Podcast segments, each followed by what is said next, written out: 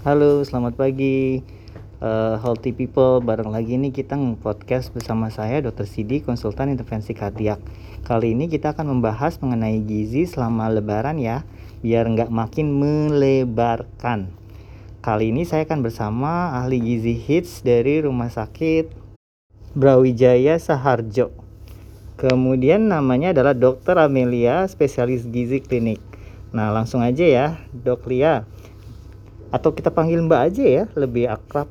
Gimana sih sebenarnya kita menyikap, menyikapi makanan ketika lebaran biar makin fit sehat gitu Mbak? Hai masih di kita juga eh saya juga manggilnya masih di aja ya. Ya. Oke jadi eh, kita tahu seperti yang kita tahu kalau lagi lebaran itu makanan-makanan khas lebaran yang disajikan ya cenderung komposisinya tinggi lemak ya terutama tinggi lemak jenuh dan trans.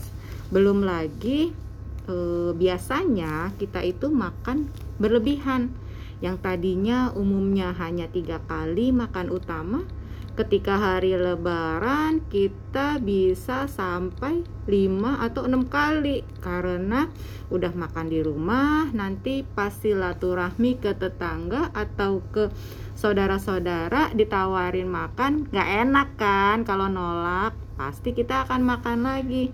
Gitu. Jadi memang pada hari lebaran kita akan cenderung makan berlebihan.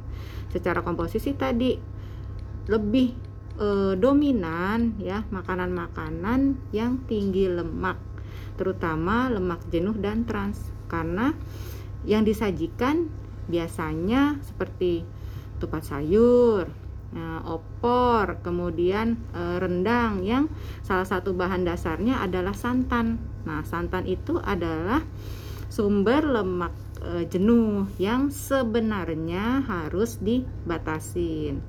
Bukan cuma itu aja masih di belum lagi cemilannya ya, kue nastar, kemudian putri salju, kastengel, itu kan bahannya mulai dari tepung terigu, kuning telur, mentega, gula ya.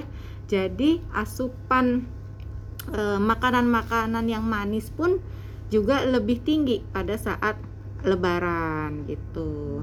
Terus biasanya juga pada hari itu kita akan kurang atau cenderung tidak mengkonsumsi buah dan sayur. Padahal eh, apa yang kita makan itu tadi tinggi lemak dan eh, tinggi gula. Ya, tapi kita lupa atau kita kurang makan buah dan sayur ya. Kurang lebih itu ya pola makan eh, kita yang biasa dikonsumsi di hari lebaran. Jadi jangan heran kalau pas hari kedua atau hari ketiga nimbang berat badannya jadi naik Oke, nah udah pada denger kan ya semuanya millennials. Jadi kalau pas lebaran tuh jangan makannya jangan kalap. Kalau kalap nanti bisa jadi makin lebar. Nggak jadi lebaran deh, makin lebar. Nah, ini ada yang mau tanya lagi nih mbak. Nah gimana ya mbak ya kalau pas makan lebaran tuh kan kita banyak yang tadi seperti mbak bilang yang lemaknya banyak nih. Ada tips nggak nih mbak tips and triknya biar kita bisa tetap singset nih pas lebaran? Yuk. Ya oke okay, Mas Idi. Jadi prinsipnya ketika hari lebaran walaupun itu adalah hari kemenangan bukan berarti hari pembalasan ya. Maksudnya setelah mentang-mentang kita puasa satu bulan ya sudah menahan makanan-makanan eh, makanan dan minuman selama satu bulan terus di hari lebaran kita lepas gitu. Kalap lah istilahnya ya. Jadi tetap sebaiknya pada hari lebaran kita konsisten dengan jadwal makan. Tadi untuk menghindari makanan yang berlebihan ya jadi tetap tiga kali makan. Utama kita atur misalnya sarapan mau sebelum atau sesudah sholat. Terus nanti makan siang kita atur juga di mana. Mungkin memang sudah ada rencana biasanya ya. Mau silaturahmi ke tetangga atau ke keluarga yang lain. Nah di situ kita bisa atur misalnya oh iya saya rencanakan berarti kalau siang nanti makannya di sini nah jadi itu cukup e, membantu untuk menghindari waktu mak waktu makan yang tidak jelas ya atau e, sporadis lah ya e, berantakan seperti itu. Nah, terus karena kita tahu makanan khas lebaran itu cenderung tinggi lemak jenuhnya dan juga lemak trans yang kita tahu sebaiknya dibatasin ya jumlahnya maka usahakan makanan-makanan khas lebaran tadi seperti tupat sayur atau opor dimakannya satu kali aja dalam satu hari ya jadi juga sudah direncanakan. Misalnya oke okay, mau makan opornya ketika sarapan saja. Nah jadi nanti ketika makan siang dan makan malam itu kita sudah tidak mengkonsumsi yang berbahan dasar e, santan lagi gitu.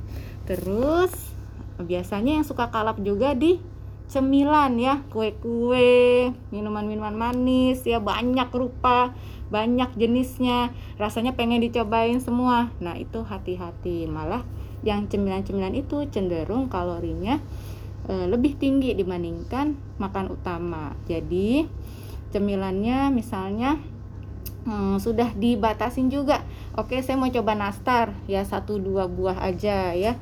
Terus ya jangan nyomot yang lain juga ya karena akhirnya nanti bisa banyak uh, apa asupan kalori yang dikonsumsi jadi banyak ya. Kemudian uh, usahakan tetap sediakan sayur dan buah di hari lebaran. Fungsinya karena sayur dan buah itu kan mengandung serat. Nah serat itu yang bisa menghambat uh, lemak ya diserap oleh tubuh. Terus yang suka kita lupa ketika hari lebaran adalah sinyal kenyang. Ya setiap e, tubuh manusia itu sudah dilengkapi dengan sinyal kenyang. Tapi kadang ketika hari lebaran suka los tuh ya. E, padahal udah udah perutnya tuh udah terasa penuh tapi masih dihajar ya masih tetap makan ya sampai uh, bahkan terasa tidak nyaman uh, ya saking kebanyakan makan. Nah, sebenarnya itu berarti sudah mengabaikan sinyal kenyang yang muncul dari dalam tubuh ya. Jadi, tetap ingat sinyal kenyang dari tubuh kita. Ya, dengan seperti itu itu bisa membatasi uh, apa uh, asupan-asupan yang berlebihan ya. Jadi kita tahu oh oke okay, nih badan kita, tubuh kita udah hmm, merasa uh, cukup ya udah udah terasa penuh lah nah kita stop di situ walaupun ada makanan yang lain usahakan uh, tidak nambah lagi gitu sih masih di Oke, okay, healthy people, millennials. Nah, ini tadi tips and triknya ya. Kayaknya udah cukup lengkap nih. Nah, apalagi buat pasien-pasien jantung ya. Kalau pasien-pasien jantung lebih harus menjaga pola dietnya ya. Tapi kalau milenial nih, milenial sih sepertinya yang sakit jantung hanya beberapa ya. Maksud saya mungkin sakitnya hipertensi ataupun kolesterol tinggi. Nah tadi sesuai lah kata Mbak Lia ini biar makin top. Nah kalau misalkan susah juga nurunin dietnya konsultasikan ya ke dokter gizi terdekat. Boleh nih ke Mbak Lia di Brawijaya Saharjo ya. Makasih semuanya. Kita ketemu lagi di podcast-podcast berikutnya